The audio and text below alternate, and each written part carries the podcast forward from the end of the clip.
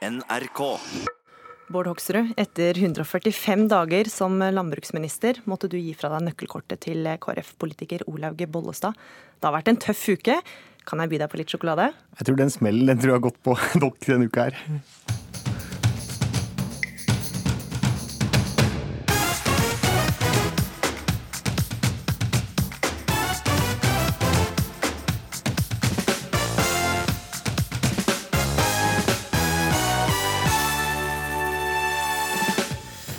Drosjesjåfører må lære seg folkeskikk, mener satiriker Dagfinn Nordbø, som har fått nok av fordomsfull prat og dårlig service. Makan til folkeforakt, svarer Klassekampens Mimmer Kristiansson, som er på vei i drosje nå. Helsedirektoratet vil forby pappvin for å spare liv. Vinanmelder Merete Bø mener kartongvin burde forbys fordi den smaker vondt. Regjeringa har fått kritikk for å mangle trøndere. Det mener forfatter Anne B. Ragde bare er tull. Stine kan bo i Oslo så mye hun vil. Hun er trønder fra nesetipp til lilletå. Og vår nye utviklingsminister er også vokalist i et elektronikaband. Det kan være en fordel for bistandsbudsjettet. Det hadde vært gøy å dra i gang med sånn Band Aid eller noe sånt. da. Jeg blir med på det. Eller? Folk skal jo bli nominert og vinne fordi de fortjener det, og kanskje ikke så mye for det det dem, om de er kvinne eller mann. eller... Og der hørte du komiker Malene Stavrum, som frykter at kritikken mot humorprisen kan føre til kvotering. Ja, velkommen til ukeslutt. Jeg heter Gry Veiby. Og i løpet av denne sendinga kan vi få svaret på om Norges siste jury mener Eirik Jensen er purk eller skurk. Jan Bøhle, du er en av støttespillerne til Jensen. Hvordan går det med nervene nå? Ja, Mine nerver er kanskje ikke de mest interessante. Det er jo Eiriksis og Ragnasis situasjon som er den avgjørende. Han kjemper, og har kjempa i fem år med uvisshet, og sitter i uvisshetens knipetang.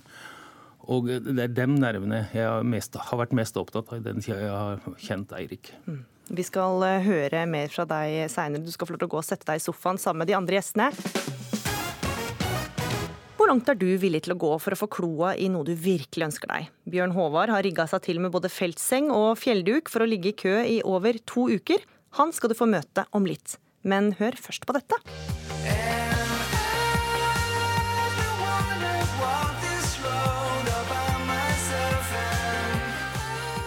Ja, slik eh, høres vår nye utviklingsminister Dag Inge Ulstein ut.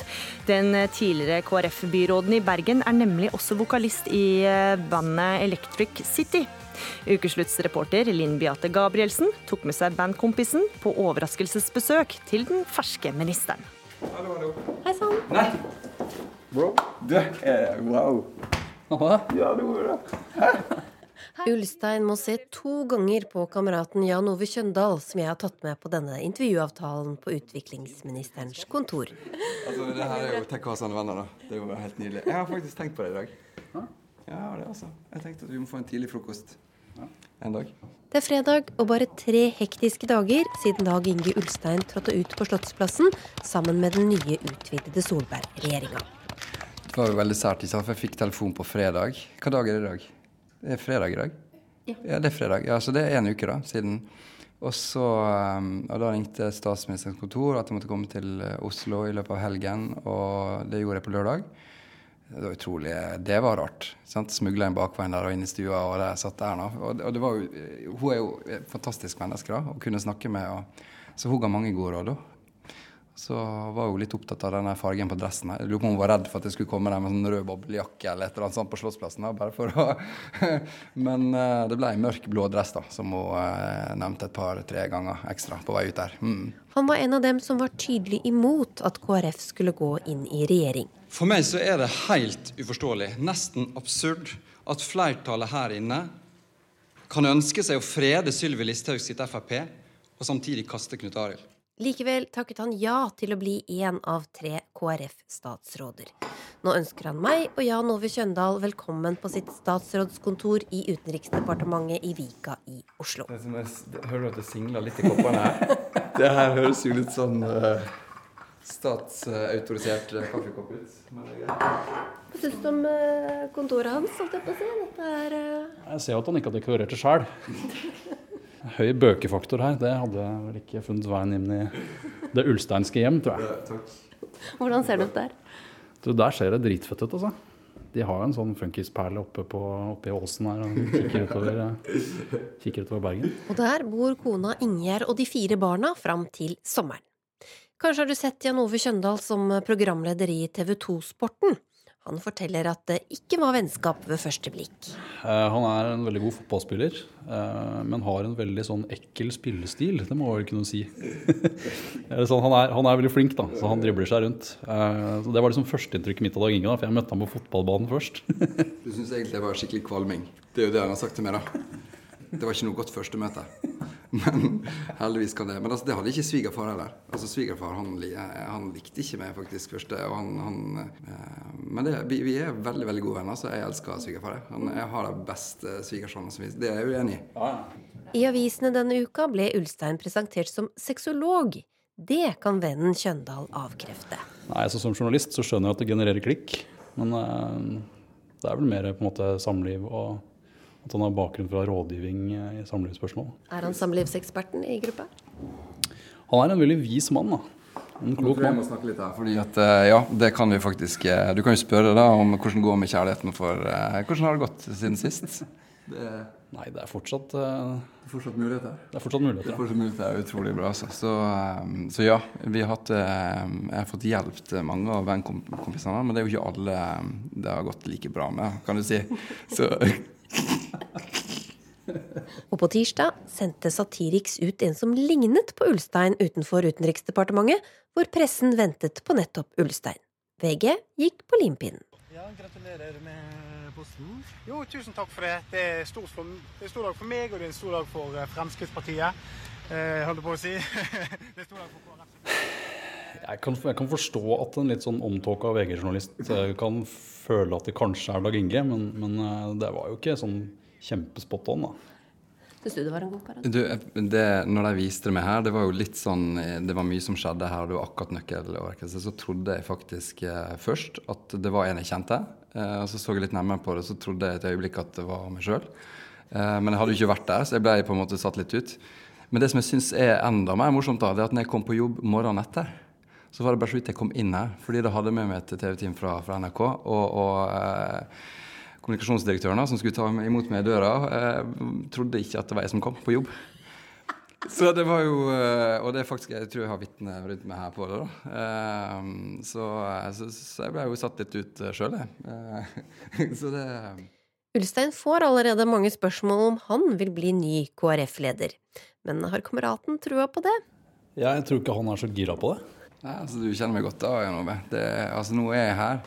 Og um, det har jeg liksom virkelig aldri sett for meg. Det, og det ville jeg ikke sagt ja til, altså. Eh, så der er det ti poeng.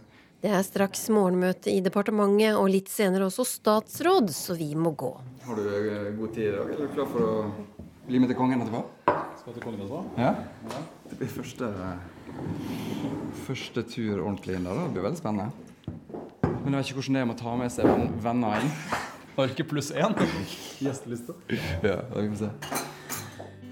Det var en gjeng stolte og muligens litt spente politikere som denne uka viste seg fram på Slottsplassen i sine fineste kåper og frakker. For Erna Solbergs borgerlige drøm har gått i oppfyllelse, og for første gang på mange tiår har Norge fått en borgerlig flertallsregjering. Men Bård Hoksrud, du var en av dem som ikke sto der, og vi har kunnet lese i VG at du gikk på en smell du, da du fikk beskjed om at du ikke var med videre. Du spiste masse sjokolade, selv om det står på nei-lista di, og du har vært åpen om at du slanker deg for tida. Hvorfor er det så trist å gi fra seg posten som landbruksminister, at du måtte ty til godis? Det er vel sånn at Når man driver i politikk og har holdt på, og så har man ikke holdt på så lenge, så er det jo det, noe med å gjennomføre og sette ut i livet mye av det du har holdt på å jobbe med. Og Det er klart at det var jo litt av det jeg hadde virkelig håpa nå, liksom, at nå skulle jeg begynne å levere på mye av det jeg har holdt på med. Og så får du liksom den beskjeden at nei, nå må du ut. Og så er det noen andre som skal overta for et annet. Og så var det et annet parti i tillegg, så det blir liksom litt ekstra litt ekstra ille å ha gjort masse ferdig som, som de bare kan, kan høste inn nå i, i etterkant. Men uh, dette er sånn det er i politikken. Ja, og nå skal du tilbake på Stortinget, og den som sitter og humrer ved siden av deg, det er uh, tidligere stortingsrepresentant for Arbeiderpartiet, Torgeir Micaelsen. Fordi nå har vi jo da fått en flertallsregjering, og det å sitte på Stortinget for et parti i en flertallsregjering, det vet uh, du litt om. Du satt på Stortinget Stortinget under den forrige flertallsregjeringa vi hadde, nemlig den rød-grønne. Og nå har jo blekket så vidt blitt tørt før medlemmer av regjeringa nå gikk ut og protesterte mot Granavolden-plattformen som de har kommet fram til. Både Trine Skei Grande, som vi skal ha med seinere i sendinga, og Fremskrittspartiets Jon Helgheim har gått ut og sagt at de ikke er enige i det som regjeringspartene ble enige om. Er det et behov eh, du forstår? Eh, ja, veldig, vil jeg si. Altså, men det er blitt litt sånn annerledes eh, hva kaller vi det, sånn solbergsk parlamentarisme kontra det som i hvert fall vi opplevde Jens Stoltenberg. For det var veldig mange ganger jeg hadde lyst til å si akkurat det som de gir uttrykk for nå. Dette er jeg ikke enig i. For du fikk beskjed om å si det den rød-grønne regjeringa hadde blitt enige om? Altså, jeg vil ikke si jeg fikk beskjed, men det ble i hvert fall eh, altså, Jeg syns det var en fordel at det som eh, regjeringssjefen, ditt eget partis sjef og landets sjef og vi sammen hadde bestemt oss for, det sa vi også utad. Ja. Eh, men det var både fordeler og ulemper å ha en såpass strikt linje på det. da. For en av de sakene du måtte forsvare, det var avgift på biodrivstoff. En beslutning som regjeringa gjorde da. Vi skal høre et opptak fra redaksjon 1 fra november 2009. Torgeir Micaelsen, det er vel en helseier for deg, da, ettersom at SV og, og, Senterpartiet nå gjør det klart at eh, alle kommer til å stemme for eh, den avgiften på torsdag? Vel, eh, jeg har jo forholdt meg hele tida til at det er en samla regjering bestående av både Arbeiderpartiet, Senterpartiet og SV som har foreslått avgiften. Du sitter og gir thumbs up her nå. Her hørte vi programleder Erik Vold eh, spørre deg om biodieselavgiften, som var en av kamelene du måtte svelge. For du kjempa hardt for å bli kvitt den avgifta. Hva var det som gikk eh, gjennom hodet ditt da du må, på direktesendt TV måtte sitte og forsvare denne her i debatt? Nei, altså Det var jo ikke sånn, sånn, superhyggelig sånn i starten, men det er litt sånn du eh, Hva amerikanerne kaller det? This is the name of the game, liksom. Altså Skal du være med på leken? Og her hadde jo vi jobbet intenst, vil jeg si, internt. Eh, både fra mange av oss i Arbeiderpartiet, eh, men også våre venner da som hadde riktignok foreslått dette som en samlet regjering. Men når folk da etter hvert skjønte hva regjeringen faktisk hadde foreslått, så var det mange av oss som da sa til Jens Stoltenberg vet du hva, dette var ikke så veldig lurt, dette må vi eh, gjøre opp. For du kjempa intenst du til bare noen timer før? Ja, det vil jeg egentlig si. det vil jeg egentlig si. Men når da måtte, boka ble lukket og sa nei, dette står vi for, og dette har vi sammen bestemt oss for. Så var det da noen av oss sitt lodd i livet å møte opp her på NRK og forsvare det intenst og engasjert. Ja, Bård Hoksrud, nå er det jo da Kristelig Folkeparti da, med Olaug Bollestad som har overtatt eh, ditt nøkkelkort i Landbruksdepartementet. Og avsnittet om landbruk ser ut som om det er skrevet av Bondelaget, sier din partikollega Sylvi Listhaug. Hvordan blir det å forsvare det hun kommer til å gjøre i departementet nå? Nei, Det er jo sånn at det er fire partier som har blitt enige om en plattform, og det er klart at den plattformen skal man jobbe for å få gjennomført. det er politikersvaret, men det var ikke det jeg spurte om. Hvordan blir det å skulle forsvare dette? Nei, det, er, det, er, klart at det er alltid ting som man eh, ikke er enig i, og det er fordi det er forskjellige partier. Men så er det jo sånn også at eh, ved at vi har fått på plass en plattform, så er det en del saker som Fremskrittspartiet har kjempa for. Og som vi, eh, når vi har hatt en mindretallsregjering og kommet til Stortinget, og så har det blitt justert og kanskje ikke blitt så bra som det vi har vilt. Mens nå er jo en flertallsregjering som skal sørge for å gjennomføre dette. Så det gir Frp også muligheter for å få gjennomslag på mange områder. Men det betyr også at du må forsvare noen ting man ikke er enig i. Litt som Torgeir også sier, at noen ganger må man virkelig ut og forsvare på vegne av regjeringa det man egentlig ikke er enig i. Ja, er det noen saker du merker nå sitter litt langt inne og skulle forsvare? Det er, det er det. Jeg tror ikke jeg skal si dette. Det, det, dere er òg, Sånn er det. det skal du spille av det klippet neste gang du er med i debatt om temaet? Ikke sant, det var det. Nei, så, sånn er det. Men, men, det er jo det som er Sånn er det når vi skal samarbeide og bli enige, og så må man ut og forsvare det. Men det som er viktig, er at regjeringa, selv om det er en flertallsregjering, også lytter til Stortinget, og at det er god dialog med Stortinget. For hvis ikke så vil man fort få noen av de, de konfliktene som Torgeir også, også, peker på. Eh, og det vet jeg at det er både Erna Siv og, og, partiene har vært veldig opptatt av. Hvordan skal vi jobbe nå for å hindre kanskje noe av det vi opplevde når vi satt i opposisjon, og det vi så på den regjeringa som var der. Og så vil jo selvfølgelig framover vise hvor, hvor gode man klarer å bli på det. Men, men, man er veldig bevisst på at stortingsgruppen også skal være med, partiorganisasjonene skal være med, eh, i forhold til de beslutningene som skal tas. Men hva tror du om det, Torgeir Micaelsen? Det er fire partier som først skal bli enige på bakrommet. Eh, ja, men for å svare litt mer alvorlig på dette, så er jo på en måte, mm, det er jo en drømmesituasjon egentlig å være stortingsrepresentant, og særlig sånn som eh, Bård, da, som har også lang erfaring, kjenner det indre livet i regjering. Eh, det, det tok riktignok meg noen år før jeg skjønte hvor mye innflytelse du kan ha på Stortinget i en situasjon hvor du har en regjering der dine egne er de som styrer med flertall. For, for det har vært veldig mye av kritikken fra den, om den rød-grønne regjeringa. At det var, alt ble avgjort eh, på kammerset, og så hadde ikke Stortinget, og særlig ikke de stortingsgruppene, noe særlig å gjøre. Nei, men det tenker jeg de siste fire årene jeg satt på Stortinget, så foreslo jeg en rekke helt utmerkede forslag, og jeg tror så å si alle av de ble nedstemt. så det er, måte, det er å tape valg, tenker jeg. Og det er mye sånn sutrekritikk rundt at å, jeg får det ikke som jeg vil, og Stortinget, Stortinget blir ikke lyttet til liksom. Nei, men det er fordi du tapte valg, liksom, sånn i teorien. Mm.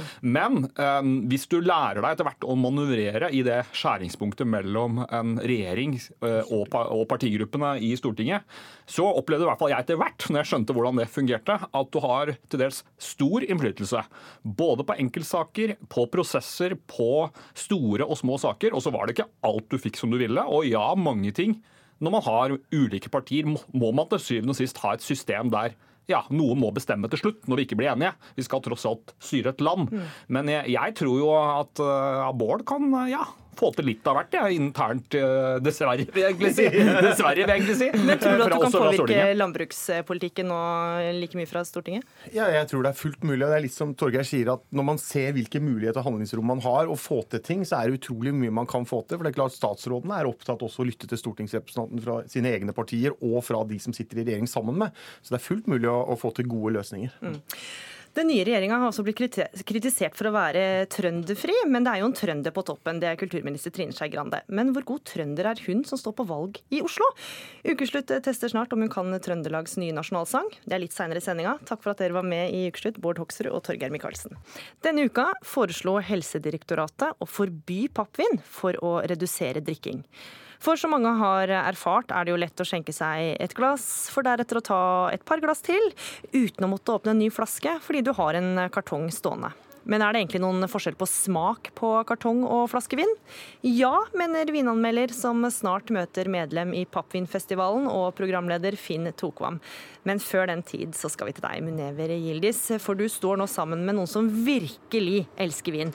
Ja, de elsker rett og slett vin så mye at de helt frivillig har gjort seg til eh, uteliggere.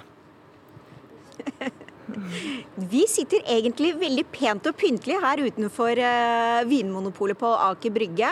Det er veldig kaldt. Det er et minus tre grader, og det føles ut som kanskje minus ti for meg som ikke har kledd meg godt nok for anledningen. Men derimot for uh, Bjørn Håvard Larsen så går dette veldig fint. Han sitter her for eh, på tredje dagen. Bjørn Håvard, jeg må begynne med å spørre deg, hvordan er du forberedt til dette her? Hva er det du har på deg, sånn veldig kort? Du, vi leste jo værmeldinga før vi skulle hit, så det var eh, minus snø. Så vi har tatt med oss masse godt ull underst, og så har vi tatt noe vindtett på toppen. Så holder vi oss varme uansett vær. Han, han, ser ikke ut til å fryse, for han skal sitte her lenger. Bjørn Håvard, da jeg var og varmet meg inne på Vinmonopolet, for det måtte jeg, så var det en som eh, spurte meg har han ikke en jobb. Gjør, hvordan skal han sitte her i så lenge, sa han til meg. Hva kan du svare på det? Jeg har jo jobb. Og jeg er jo prosjektleder i Gintel, med en veldig forståelsesfull sjef. Og Det gjør at jeg faktisk får lov til å ta ut over halvparten av ferien min for å sitte her. Og det er det helt verdt. Det er helt verdt det? Ja, selvfølgelig på en sånn årgang.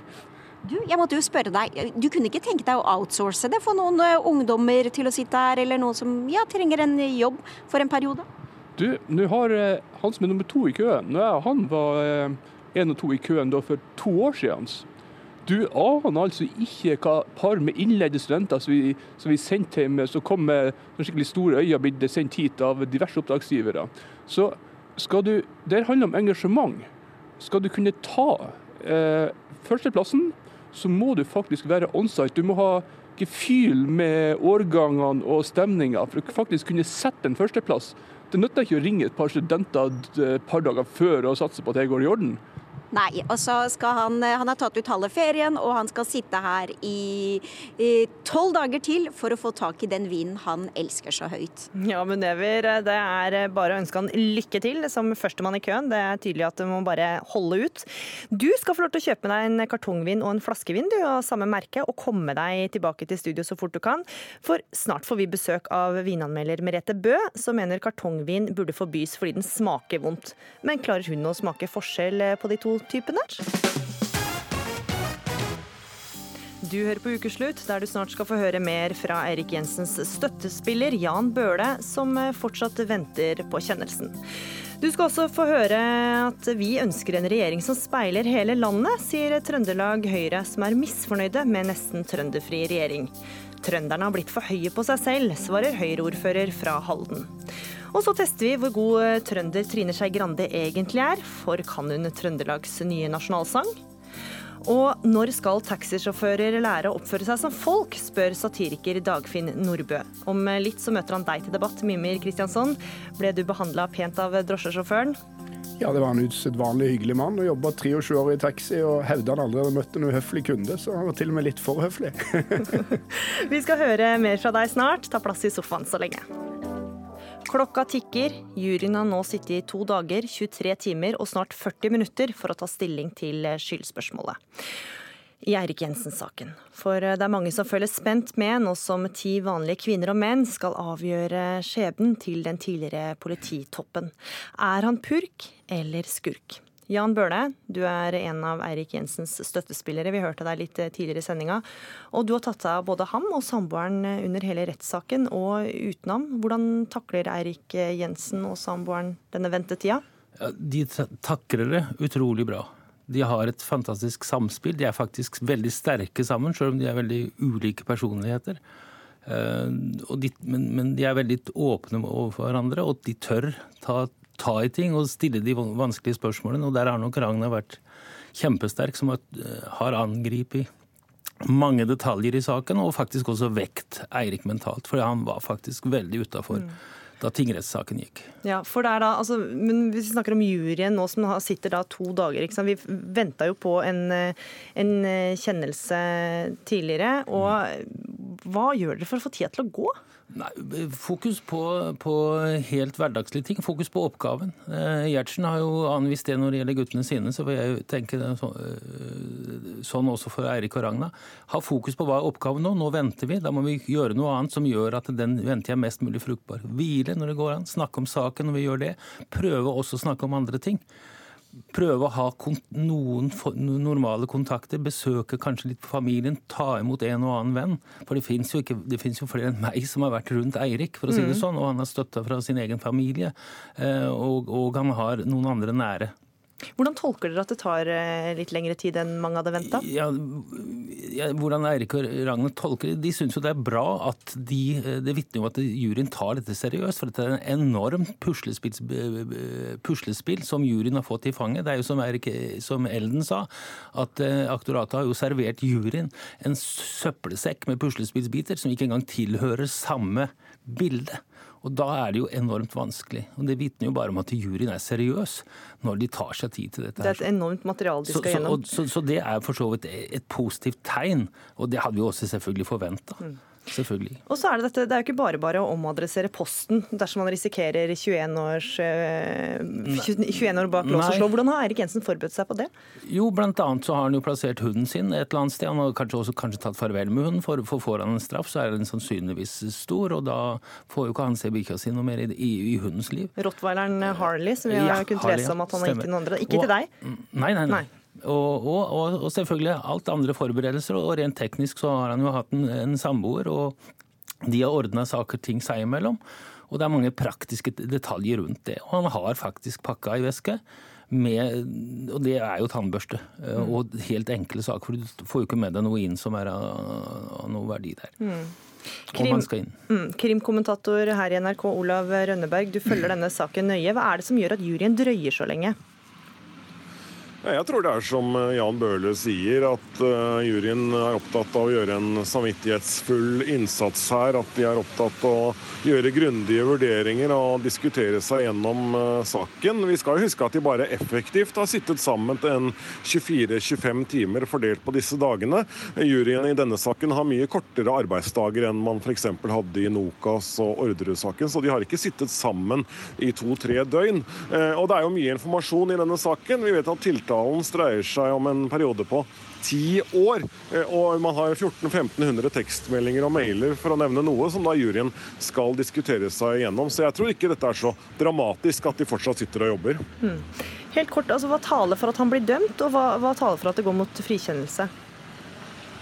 Ja, Hvis de skal eh, dømme han, så må de jo være helt sikre. Da må de være helt overbevist. Det eh, sa jo lagmannen ganske mye om i, i rettsbelæringen. Så Eirik Jensens eh, kanskje største håp er jo at denne tvilen begynner å bre seg på juryrommet. Og det er klart, blir de sittende utover helgen, utover i neste uke, ja da kan man for alvor begynne å snakke om denne tvilen, og, og kanskje, det, kanskje gjør det muligheten større for en frifinnelse. Mm.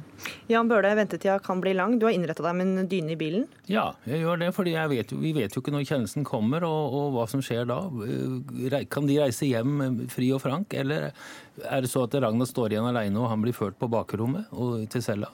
Da jeg, prøver jeg sannsynligvis å følge med Ragnar hjem Mm. For å eh, ivareta hender. Mm. Og Juryen kan altså komme med sin eh, kjennelse i løpet av den neste timen. Da oppdaterer vi eh, deg og alle lyttere. Jan Bøhle, takk for at du var med i denne omgang. Takk også til deg, Olav Rønneberg. Du preier en drosje, hopper inn i baksetet, og idet døra smeller igjen, setter sjåføren i gang. Ja, vær så snill, sjåfør, vi må nesten få stige ut av drosjebilen. Du skal trekke deg ut. Dette er typisk Ja, for så- hele landet vårt. Alle står- trekker seg ut. De vil ikke ta ansvar. skal jeg si. Det er det som gjør at vi går på dunken og låner penger og milliarder i Vær så- tusenvis. Herr sjåfør, kan vi være så snille å få betale? De får få Vær så god, her er de penger. Dette er det verste. Nei, men jøsse navn, er det så jævla rart å forstå? Ja, Det er til å bli svett i øra av her fra sketsjen 'Drosjesjåføren' fra 1979 med Trond-Viggo Torgersen og Eivind Solås. Satiriker Dagfinn Nordbø, i en kronikk i VG så spør du når skal taxisjåfører lære å oppføre seg som folk? Og du forteller eh, om en konkret episode der sjåføren både er fordomsfull mot det vi kaller etniske nordmenn, og lite serviceinnstilt. Og dette førte da altså til eh, denne kronikken. Hvorfor irettesatte du ikke bare sjåføren der og da? Jeg gjorde faktisk det. Det var én setning i den dialogen som ligger i kronikken, som jeg eh, ikke la ut. Og det var 'Jeg tror du er full av fordommer'. Mm. For du, han, for, du mener, ja, for du mener drosjesjåføren vi hørte nettopp nå lever i beste velgående, men at eh, sjåføren har endra karakter? Han der er, han der er borte. Mm. Ja, helt klart. Eh, I 2019 er veldig få igjen. Og det jeg sier, er jo ikke at alle sjåfører er tullinger. Det er liksom, hvis du skal eh, mene at det er det som står i kronikken, så er det feil. Veldig feil. Men hvordan er det du vil omtale drosjesjåførene, da? Som du har møtt? Som du Det som forteller om i episoden din? Altså De som jeg forteller om, Mm. eh, både i denne og en del andre Jeg sier dette handler stort sett om Oslo. Uh, de har veldig, veldig ofte eh, dårlig eh, behandling av kundene. Ja. Mimir eh, Kristiansson, du er nyhetssjef i Klassekampen. Du har lest kronikken til eh, Dagfinn Nordbø, og du kalte den for eh, folkeforaktende. Hva er det som er så gærent med det han skriver? Nei, jeg syns jo det er tre ting. Det første er at Dagfinn Nordbø på basis av noen få opplevelser han har hatt, og spesielt denne ene som han skildrer, ja, nå får du høre etter, skjærer en hel gruppe over en, eh, over en kam. Han spør hvorfor, når skal drosjesjåfører lære å oppføre seg. Han kommer med noen generelle påstander om hvordan drosjesjåfører flest er. Det syns jeg er ubehagelig. Jeg tror det finnes drosjesjåfører som er uhøflige, og jeg tror det finnes drosjesjåfører som er høflige. Jeg har møtt begge typer. Det andre som jeg syns er ubehagelig, det er at jeg tror at vi som er drosjekunder, ikke alltid er verdens høfligste folk. Og hvis du tenker på den relasjonen drosjesjåfør og drosjekunde, hvis du tenker på hvor mange fulle folk de møter, hvor mange støyende folk de møter, hvis du tenker på alle gangene du sjøl er stressa, uhøflig, ikke tipser osv., så, videre, så syns jeg at Min erfaring er at drosjekundene oftere er uhøflige enn drosjesjåførene. Må du slutte å spille gitar i bakgrunnen. Du, jeg beklager. Og så er det tredje er at jeg er ganske eh, glad for at vi i Norge ikke har en sånn kunden har alltid rett-mentalitet, som jeg syns vi ser i andre land. Vi har tvert imot en mentalitet hvor vi tenker at alle mennesker er like mye verdt, uansett hva jobb de utfører.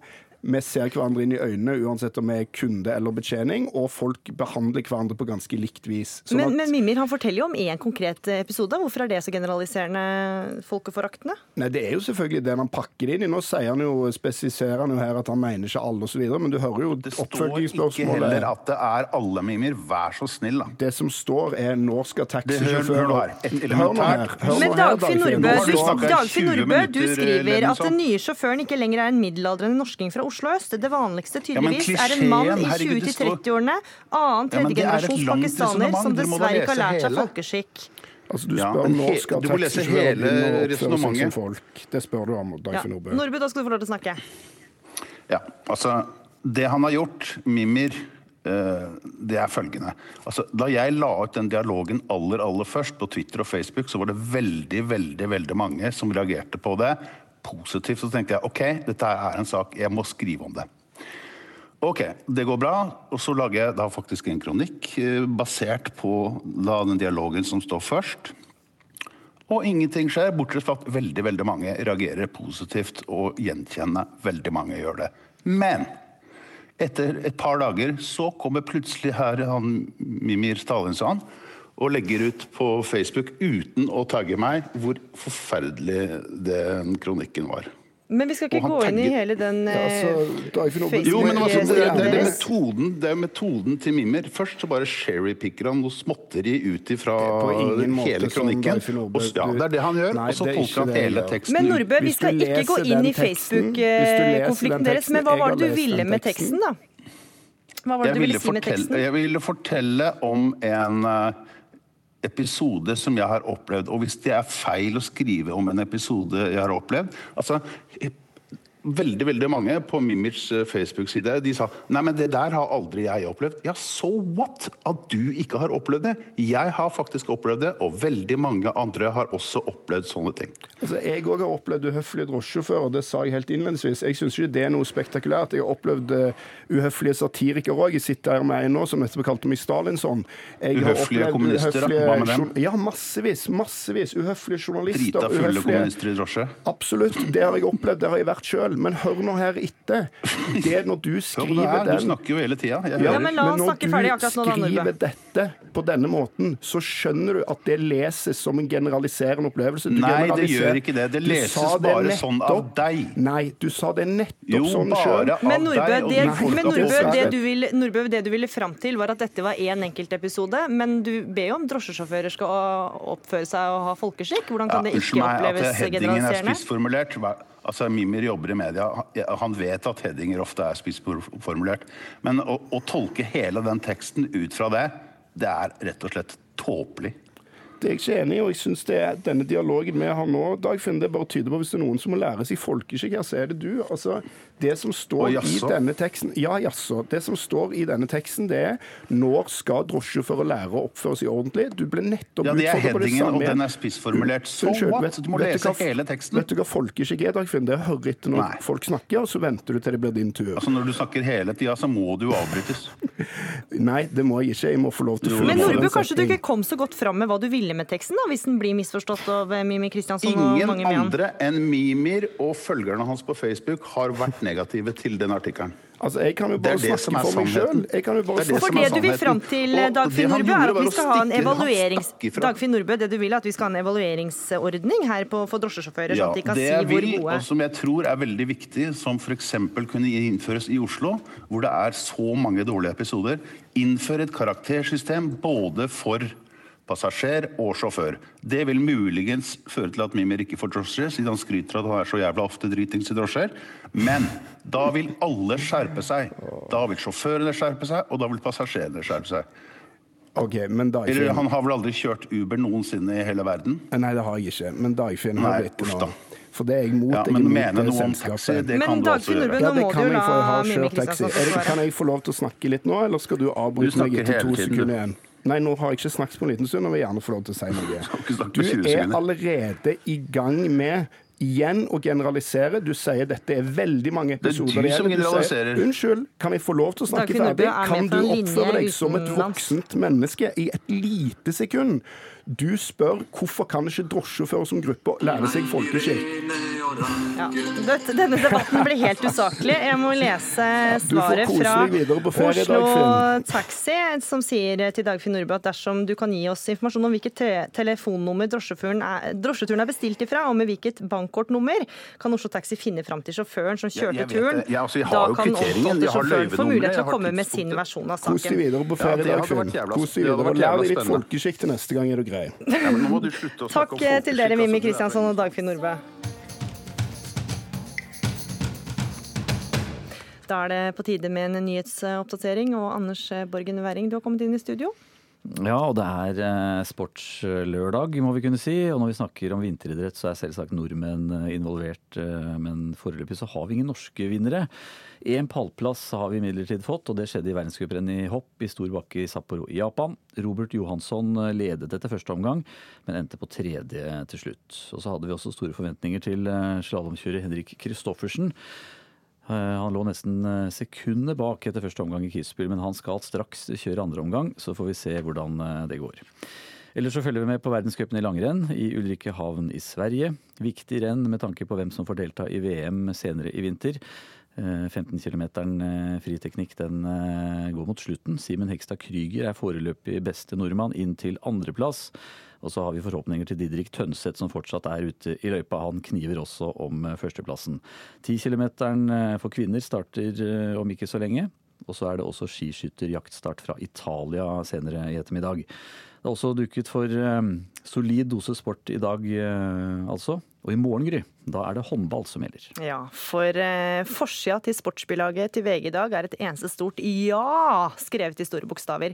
For alle håndballfans var det julaften og bursdag på en gang i går, for håndballgutta vant over Tyskland. Og nå blir det VM-finale mot danskene i morgen. Marit Breivik, tidligere trener for Norges kvinnelandslag i håndball. Du førte damene til topps. Hva vil du si til håndballgutta nå? Ja, Først og fremst vil jeg jo gratulere med semifinaleplass. og en fantastisk ny mulighet til å, å, spille mot Danmark i en finale. og Jeg tror eh, sjansen er kjempegod. Eh, det er en eh, mulighet til å vinne VM, som òg kan innfri drømmen om å kvalifisere seg direkte til OL i Tokyo i 2020. og De har et så god stigning gjennom mesterskapet og virker så gode på alle plassene at her er det all mulig grunn til at de skal stole på seg sjøl og gyve på. og Det har jeg jeg er veldig sikker på at de gjør. Så du kommer til å sitte klistra foran skjermen i morgen og heie når Norge møter Danmark? Ja, det gjør vel omtrent eh, halve Norge, i hvert fall Idretts-Norge. Så, så, det blir kjempespennende. og Jeg er imponert over guttene over hele laget. Det blir artig. Det var veldig til i morgen. Marit Breivik, takk for at du var med i Ukeslutt. Et eple rett ved stammen, skjær meg over samme kammen. Jeg er trønder. Jeg er trønder, synges det her. Men det synges ikke rundt kongens bord. For det har ikke gått ubemerka hen at Erna Solbergs utvidede, utvidede regjering ikke har plass, funnet plass til trøndere. Eller én trønder er det riktignok, nemlig kulturministeren. Men Trine Skei Grande er ikke valgt inn fra Trøndelag, men fra Oslo. Så hvor god trønder er hun da egentlig? Det skal vi snart eh, finne ut av. Men eh, først, Trine Skei Grande, kulturminister, eh, velkommen til ukeslutt. Takk. Som NRK Nyheter fortalte i går, så varsler du omkamp om abortloven og eggdonasjon før neste stortingsvalg. Og det varsler du før blekket i den nye regjeringsplattformen omtrent har blitt tørt. Hvis du er så opptatt av dette, hvorfor gjorde du ikke noe med det da du hadde mulighet, og skrev regjeringsplattformen? Det var mye vi gjorde når vi hadde muligheten å skrive regjeringsplattformen både på klimamiljø, på heroinassistert behandling, mange viktige saker eh, for Venstre. Men det er også sånn at om to og et halvt år kommer vi til å stille til valg på Venstres stortingsvalgprogram og Venstre sine standpunkt. Og så får velgerne bestemme styrkeforholdet mellom partiene. Det at noen blir forundra over at vi kommer til å stille som egne partier ved neste stortingsvalg, syns jeg er litt rart. Men noen vil jo si da, hvis dette ikke var viktig nok for deg under regjeringsforhandlingene, hvorfor skal vi da tro deg at det blir viktig nok eh, ved valget? Jeg ser at det er noen av de større partiene som tror at samarbeid betyr bare å overkjøre de andre. Eh, samarbeid betyr å gi og ta, og vi fikk en del viktige saker for oss. Det var rart å tro at KrF skulle komme inn i regjering og ikke få noen av sine viktige saker. Og Venstre har bare 4,5 inn i den regjeringa, og det er den styrken vi har til å forhandle ut ifra. Men hva vil du si da til kvinnene da, som blir ramma direkte? Ja, Det er der vår argumentasjon er at dette er noe som er helt i starten at du faktisk kan gjennomføre. Eh, det at vi nå flytter det fra den selvbestemte perioden til nemnd, eh, er kanskje også lurt ut ifra at det er en veldig eh, ny metode å bruke, og at folk trenger faktisk rettledning for, for å bruke den til, til fosterreduksjon. Men eggdonasjon f.eks., da? Kan de, kan de vente til neste valg? Nei, eggdonasjon er jo eh, snakk om noe som, man, eh, som ikke er så akutt, mener jeg, i forhold som eh, abortsaken er. Vi ønsker jo å åpne for Så kvinnen har tid til å vente, tenker du? Nei, tid til å vente, men utfordringa mener jeg for eggdonasjon er jo at det gjennomføres i andre land. Og at jeg skulle ønske at det kunne gjøres i Norge, fordi at da hadde også det barnet fått muligheten til å vite sitt opphav. Nå er det mange som blir født med hjelp av eggdonasjon, som ikke får vite sitt opphav. Men eh, dette var på pauseknappen under hele de rød-grønne. Nå ble det på pauseknappen for to år til også, men vi kommer til å gå til valg på vårt stortingsvalg. Ja, så du er ikke enig med det regjeringen mener på det.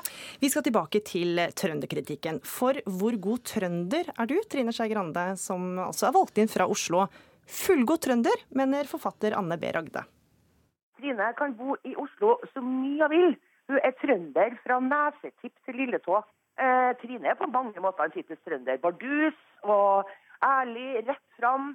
Eh, hel ved. Ja, på, mange, på, alle måter så er Trine et kjempebra eksempel på en, eh, på gjennomsnittlig trønder. Ja, Kjenner du deg igjen i beskrivelsen som bardus, ærlig og rett fram? Det var kjempekoselig sagt av Anne, og jeg syns det kanskje det morsomste med det Anne Bøe Ragde sa nå, det er at det høres ut som et kompliment når hun sier Og så er det mange fra andre steder i landet som ville ha sagt at det ikke var det. Det var ikke så mye bra, nei. Men, men, eh, men jeg står for at hun treffer ganske bra. Ja. Men hva syns du om kritikken fra mange som sier at regjeringa har bomma litt, at det er trønderfri sone? Enhver regjering bør prøve å strekke seg til å ha bredde. og det er klart at 1,2 eh, millioner mennesker i Viken er bare representert ved Jan Tore Sanner. Eh, mens ei eh, bygd som heter Randaberg i Rogaland, har to statsråder. Eller bygd er kanskje ikke dårlig, men kommune i Rogaland har to statsråder. Så det blir ofte litt ujevnt, spesielt når det er fire partier som skal balansere både innad i partiene, og du skal finne folk som er engasjert og brennende for det området de er statsråd for. Men så tror jeg nok at over tid så blir nok dette ganske rettferdig i sum. Men eh, altså Anne B. Ragde gir deg jo gode skussmål som trønder, og vi skal sjekke da hvor god trønder du egentlig er. Og vi hørte så vidt eh, sangen som eh, ble brukt i forbindelse med sammenslåinga av et trønderfylke, som vi har hørt Eller av, ja, ett trønderfylke, altså. altså. Vi har hørt rykter om at du mer enn gjerne nynner på denne, så skal vi sjekke. sjekke. Så vi hører litt. Og er man sammen, blir man enda større. Og Skal snart få lov til å begynne å synge. OK. Tørre å stå sammen som man er. Og vær så god, Trine Skei Grande. Jeg er trønder. Epler på stammen til meg over samme kammen, jeg er trønder. Ja. det er, er kulturminister. Jeg må ha litt krav til kvalitet også. Så det er sangstemmen det står på? Det, ikke, det, var ikke at du ikke kunne teksten? Nei, jeg har hatt den der Jeg har ligget til visten på starten av talen min i et landsstyre i Venstre, fordi at da var det Eh, om å gjøre for politikere å ikke samarbeide og ikke slå seg sammen og ikke sørge for at vi fikk noen sterke og kraftige regioner i Norge. Og da hadde jeg lyst til å vise fram trønderne som klarer dere. Og sånn snakker en ekte trønder. Trine Skei Grande, takk for at du var med i Ukeslutt. Vi skal ikke slippe mangelen på trøndere i regjering helt ennå, for det er noen som har det verre. Om litt så treffer du Halden-ordføreren som sier at Østfold har mye dårligere statistikk enn Trøndelag. Vi skal tilbake til ukas store snakkis, for Helsedirektoratet foreslår altså å forby pappvin for å redusere drikking. Og en ting er hvorvidt kartongvin gjør at det er lett å drikke mer, men har de som rynker på nesa over hele konseptet vin på kartong et poeng? Det skal vi snart eh, finne ut av. Men eh, Munever Gildis, du har kommet inn i studio her, forlatt vinkøen på Aker Brygge. Hva er det du har med deg? Jeg har med eh, en flaske vin og en kartongvin. Jeg har sagt til de på polet at det skal være samme årgang, samme merke. Og de er, de er nesten helt like. Jeg fikk ikke Jeg spurte om riktig lik tappedato også, men det fikk jeg ikke. Så jeg tror har, de skal være ganske like sånn sett. Mm, og det du har gjort, rett og slett, du har også med deg to glass som ser helt identiske ut. Det er vel kanskje også Det er, det er to helt identiske eh, plastglass som ikke klirrer, dessverre. Dem har jeg merket med en leppestift under. Den ene står det to x-er under, og den ene er det én x under. Og da skal Merete få lov til å smake på det ja, etter hvert. For sammen med deg er vinanmelder i Dagens Næringsliv Merete Bø. Velkommen. Takk. Du, du skal snart få lov til å smake på dette og din hemmelige koden Munever har, som ingen vet hva som er hva. Men tror du at du klarer å smake forskjell?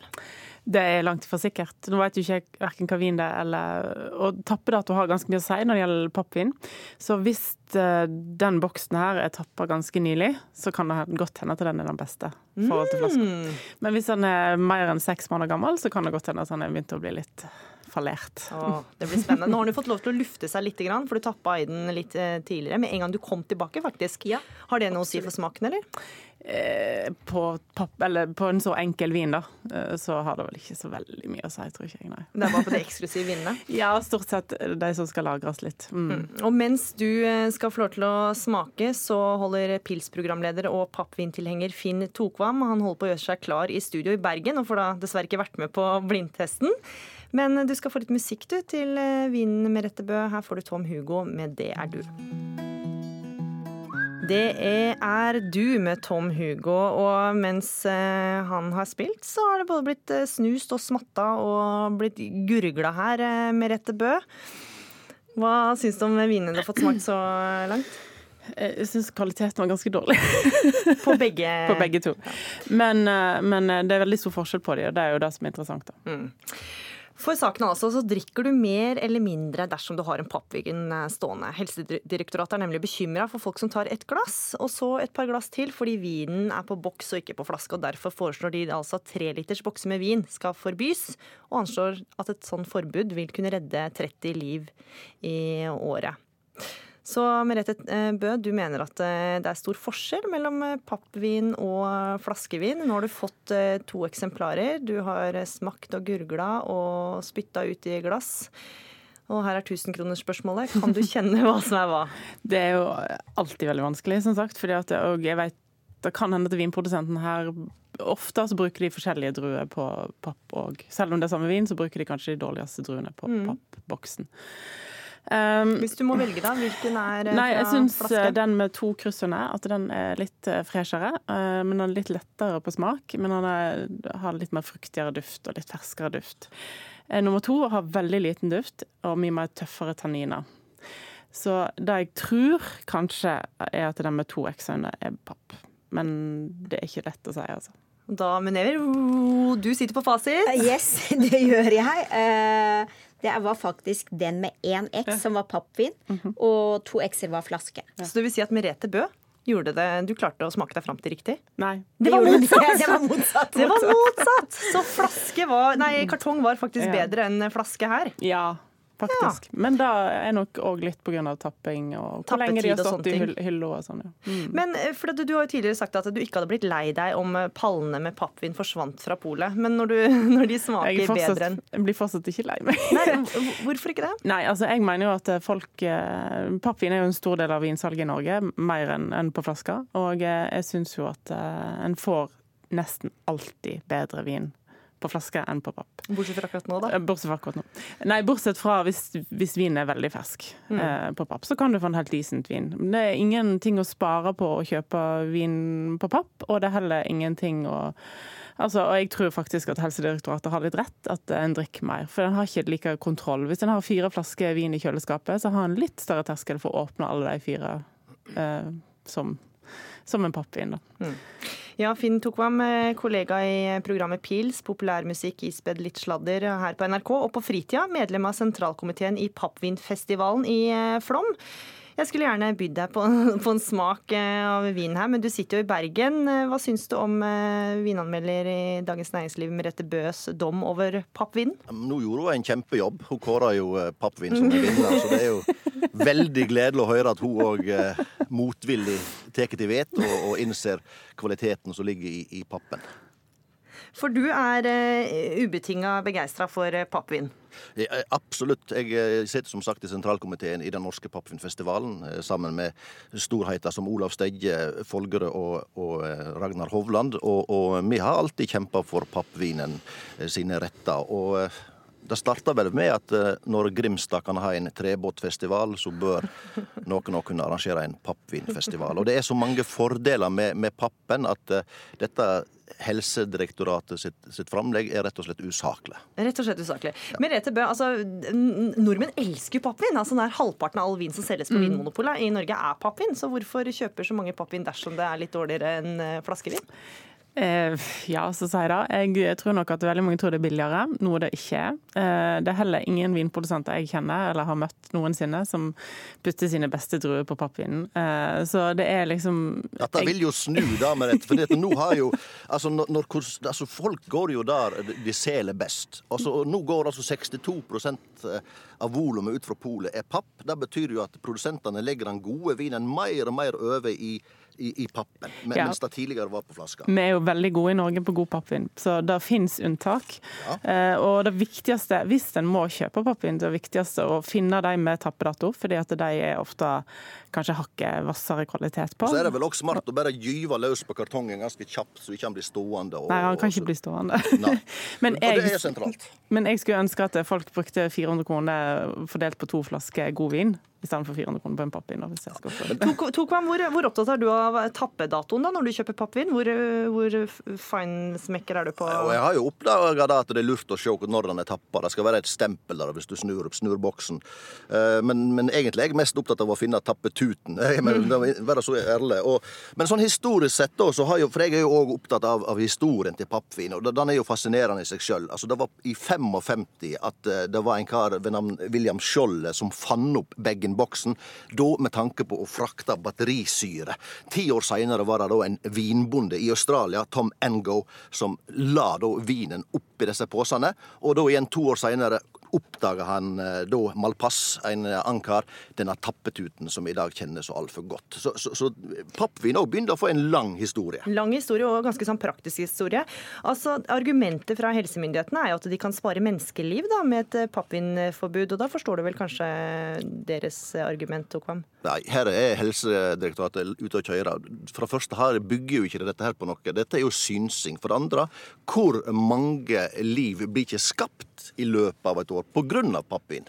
Hvis du snur på det den veien der. Eh, og det er langt mindre farlig. Jeg kjenner sjøl folk som går med svartse katseskader opp etter leggene etter at de har ramla i, i de dårlige vestlandsveiene og fått kutta seg opp på leggene og annet. Mens, mens jeg kjenner solskinnshistorier om folk som har gått på hodet ned i grøftekanter.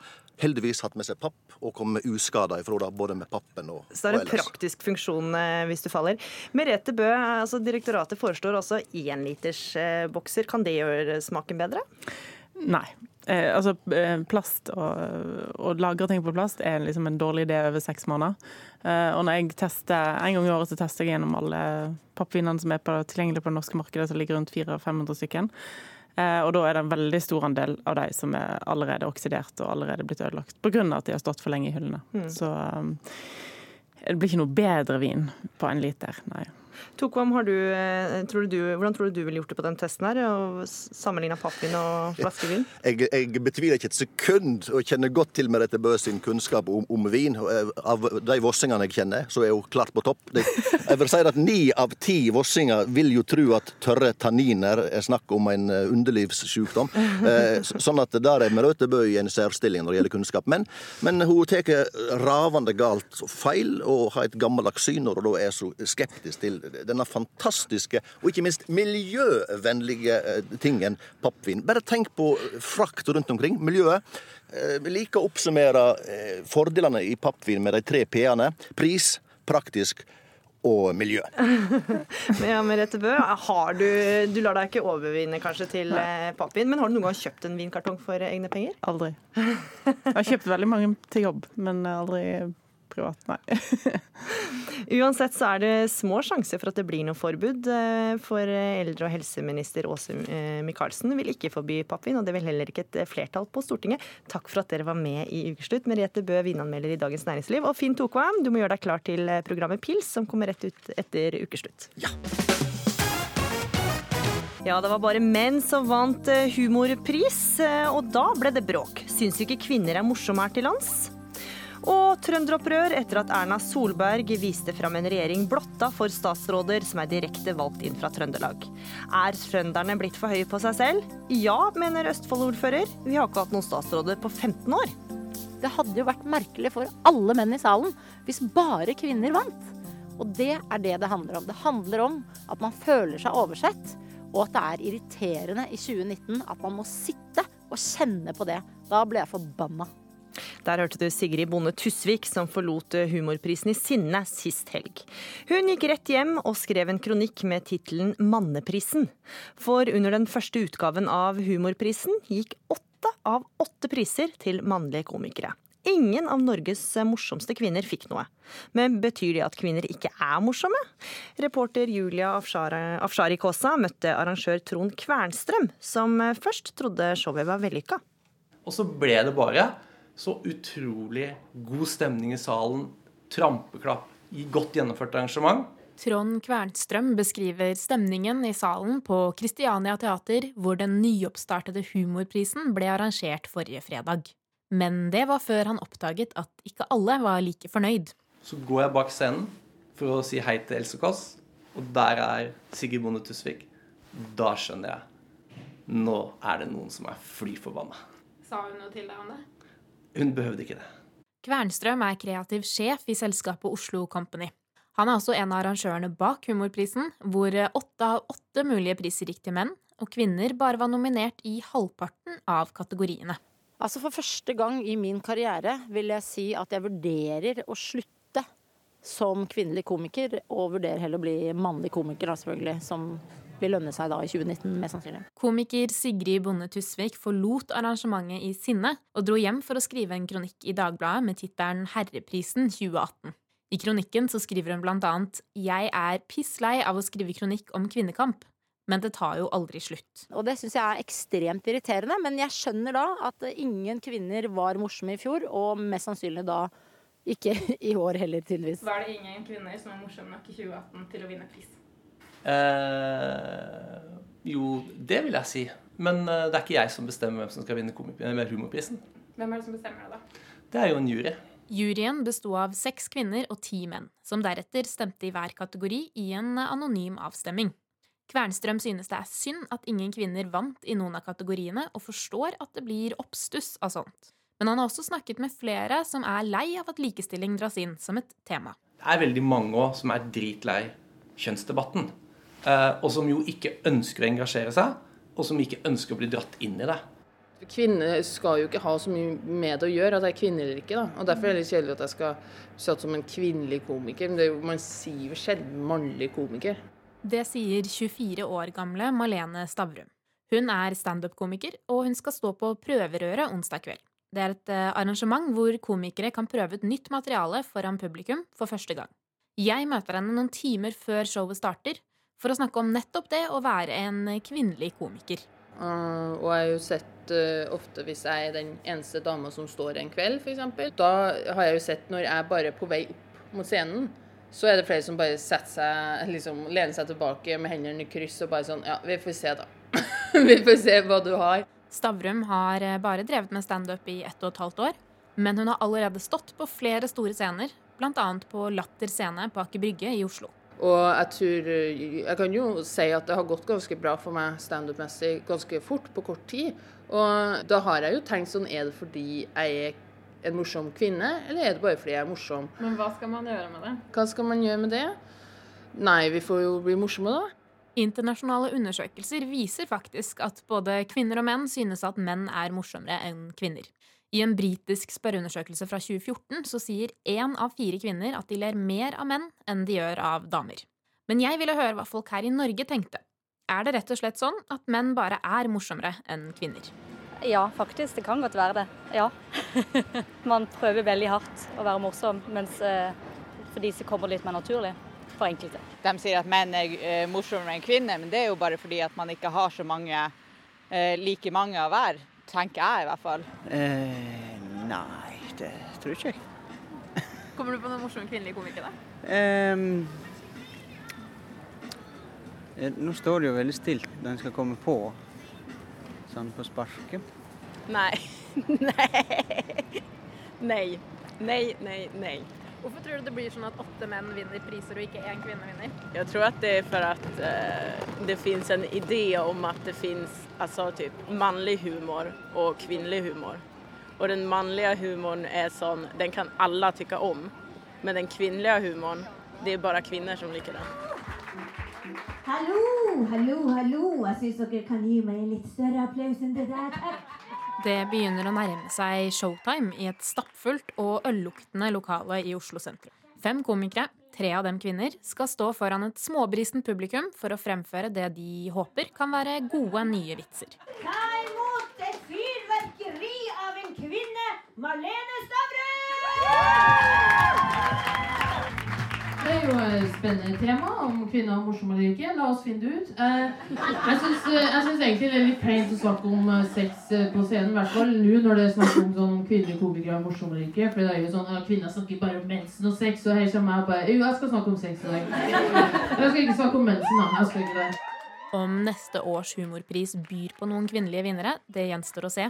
Men Stavrum håper at debatten rundt humorprisen i år ikke fører til at kvinner kvoteres inn som vinnere. Igjen, jeg syns det er vanskelig å diskutere det, fordi man har jo ikke lyst til å vinne den kvoteringsprisen heller, da. Og det er jo noen som har sagt sånn eh, hvis det blir humorpris neste år, så blir det jo sikkert ødelagt, fordi man alle bare står som spørsmålstegn bare hvorfor er jeg nominert? Er det fordi jeg er morsom, eller fordi jeg er kvinne, eller fordi jeg er fra et annet land, eller hva er det, liksom? Så Nå skal vi bevise at kvinner er morsom. Og, jeg er bare sånn, og det blir jo veldig dumt med overskriftene i morgen. da, sånn i kronikk i VG sånn Vi har funnet det ut. Kvinnelige komikere er helt greit. Eh, Vi skal tilbake til eh, trønderne, vi, og mangel på dem i regjering. Eh, Du husker sikkert Trine Skei Grande bevise tidligere i sendinga at, hun- at hun er en eh, ekte trønder. Bare hør her. Og vær så god, Trine Skei Grande! Jeg er trønder. Epler på stammen til meg over samme kammen, er trønder. Ja, som du hørte, så kunne Trine, eh, Trine Skei Grande trønderlåta. Men eh, selv om hun er trønder, så er hun ikke valgt inn fra Trøndelag. Og det er heller ingen andre fra regjeringa. Dermed er det altså ingen statsråder som er direkte valgt inn fra Trøndelag. Og det har fått mange trøndere til å brumme under barten. Det har ikke du spesielt sympati for, Tor Edquist. Du er ordfører eh, i Halden for Høyre. Hva, syns du om trønderne som klager på at de ikke er godt nok eh, representert? Ja, Først vil jeg bare få si at jeg syns det er en, en bra regjering vi har fått. Jeg tror at det kan bli et team som kan få Norge til å ta, ta tak i de store problemene framover. Og sånn snakker en ordfører fra Ja. Høyre. Ja. Så nå, Men- hva med trønderkritikken, da? Den syns jeg ikke hører hjemme noe sted. og Jeg tenker at eh, trønderne må være litt høye på seg selv. De har altså hatt siden krigen 49 statsråder. Siden 1970 så har Østfold hatt fire. Eh, og Det er vel ingen som kan mene at de skal ha noen fortrinn framfor andre områder i, i Norge. Jeg synes det, må, det bør egentlig fordeles ganske likt utover landet. eh, sånn at, eh, For det er litt viktig for kommuner og byer og områder å bli sett. Mm. Og, og det føler man at man gjør når man får en statsråd som sitter ved kongens bord. Mm, Ja, Mikael Momyr, du er leder i Trøndelag Høyre, og dere reagerte sterkt. Hvorfor gjorde dere det? Ja, Vi reagerte på at eh, den regjeringa som ble satt sammen, har en konsentrasjon av statsråder i østlandsområdet og vestlandsområdet. Og Mitt anliggende det er at eh, hele landet bør speiles i en sånn sammensetning av eh, regjering.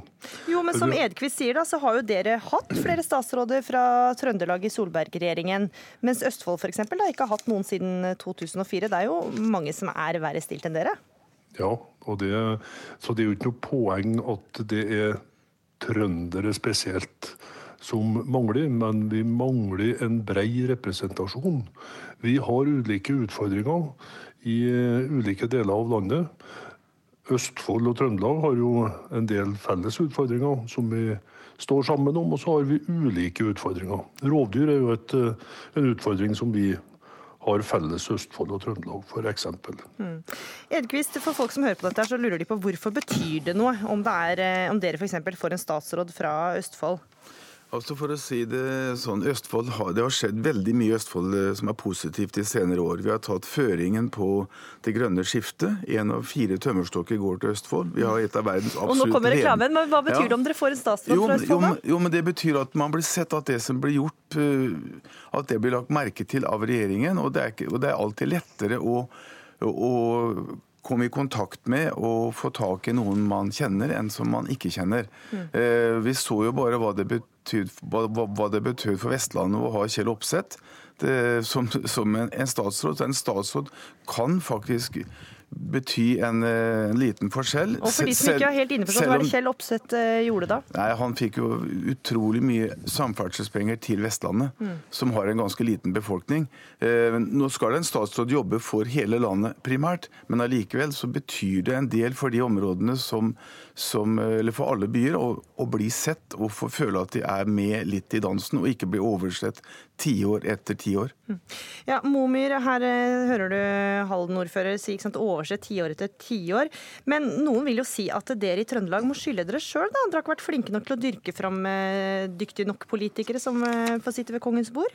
Jeg har jo sagt det før at jeg er sikker på at vett og kompetanse er jevnt fordelt i det her landet.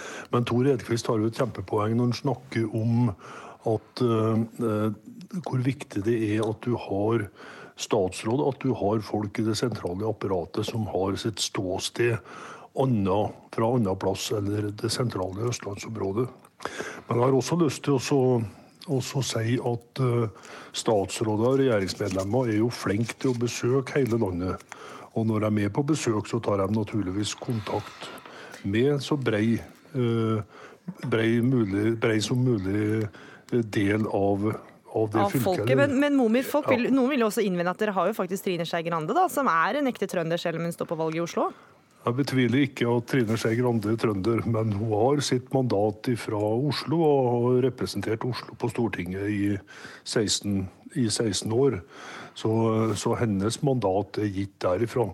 Men hun er en god trønder som vi setter pris på og er glad for å samarbeide med. Edkvist, Ja. det bor nærmere 300 000 i Østfold. Eh, I Trøndelag så bor det godt over 400 000. Det er jo en viss forskjell på folketallet her.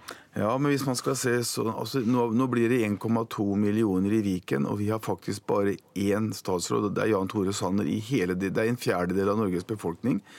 Hvis man kommer ned på Vest Rogaland og Møre og Romsdal, som er de tradisjonelle statsrådfylkene, i tillegg til, til Nord- og Sør-Trøndelag, nå er det jo bare ett fylke der, så, så er, vi, er vi fortsatt veldig veldig dårlig representert. Det er også én statsråd på 1,2 millioner Mm. per nå.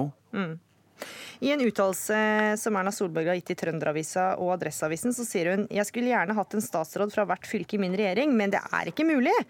Eh, og om trønderspørsmål så sier hun at jeg har hatt fem trøndere i regjering, nå er det ingen, men det kan endre seg. Slik jeg kjenner trøndere og Trøndelag, vil vi høre like mye fra dem nå som eh, før.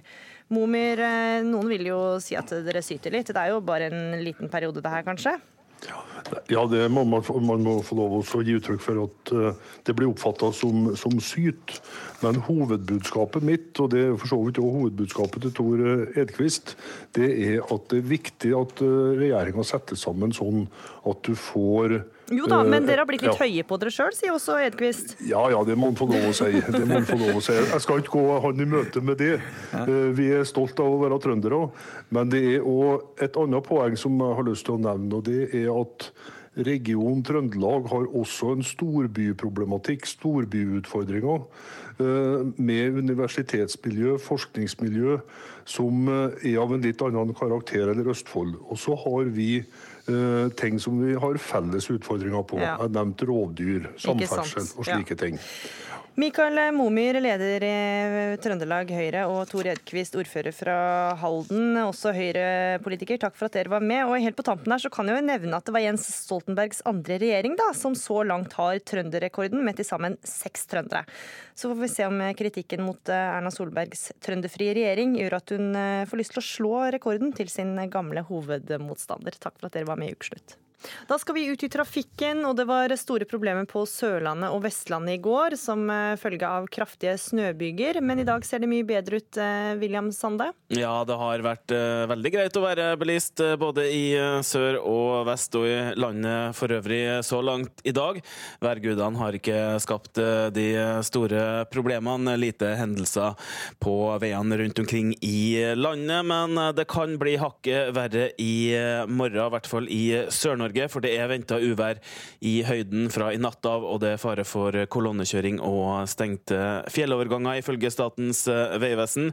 Det er også venta snøbyger i lavlandet, både på Sør- og Østlandet i morgen, så det kan jo bli spennende. På fjellet i nord er det fremdeles kolonnekjøring over Bjørnfjell pga. de rådende værforholdene der.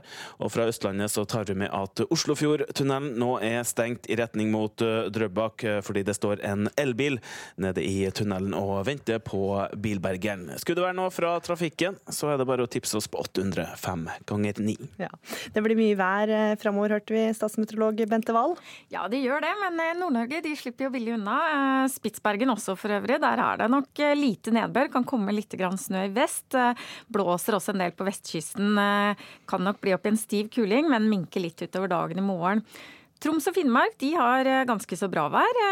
Blåser litt grann. Sør og sørøst eh, kuling utsatte steder. I morgen kan det bli stiv kuling i Nord-Troms og Vest-Finnmark. Men ellers eh, mye pent vær, selv om det kan komme inn litt snø i Øst-Finnmark utpå dagen i morgen. Nordland er et litt spennende fylke. Også der blåser det sørøst kuling. Og det blir veldig fint i sør, men nord for Saltfjellet så kommer det inn en kraftig linje med noen veldig kraftige snøbyger. Ser ut som Lofoten kan få nok snø og måke der i morgen. Men så blir det da veldig fint nord nord og sør for disse snøbygene. Trøndelag, Møre og Romsdal, der blåser også sørøst vind. Kuling utsatte steder. Vært litt eh, problemer i hoppbakken der i dag. Eh, vinker nok litt utover dagen i morgen, og de slipper i hvert fall unna noe nedbør. Resten av eh, Sør-Norge, her blåser det også en del. Vi har stiv og sterk kuling fra øst i fjellet, gir jo en del snøfokk. Så vil det også øke på med vind på kysten sør i Rogaland og Vest-Agder i kveld. Østlig opp i sterk kuling. Eh, litt nedbør er det også, kanskje mest på Østlandet, men små mengder foreløpig. Men så øker det på med nedbør, eh, særlig i Agder, Telemark og Østlandet nå utover kvelden og natta. Vestlandet får nok stort sett oppholdsvær i morgen. Det er nok eh, hovedsakelig Rogaland som kan ha litt grann nedbør som henger igjen litt utover dagen, særlig sørlige og indre deler av Rogaland. Men i Agder så venter vi kanskje en 15-25 cm til i løpet av kvelden og morgendagen. Kanskje en 10-15 cm på Østlandet. Og med det er ukeslutt eh, slutt. Ansvarlig for sendinga var Kari Li. Det tekniske ansvaret hadde Hanne Lunås. Og her i studio var Gry Veiby. Takk for at du hørte på oss, og Ukeslutt kan du høre når du vil og hvor du vil. Enten som podkast eller i NRKs nettspiller, som du finner på nrk.no.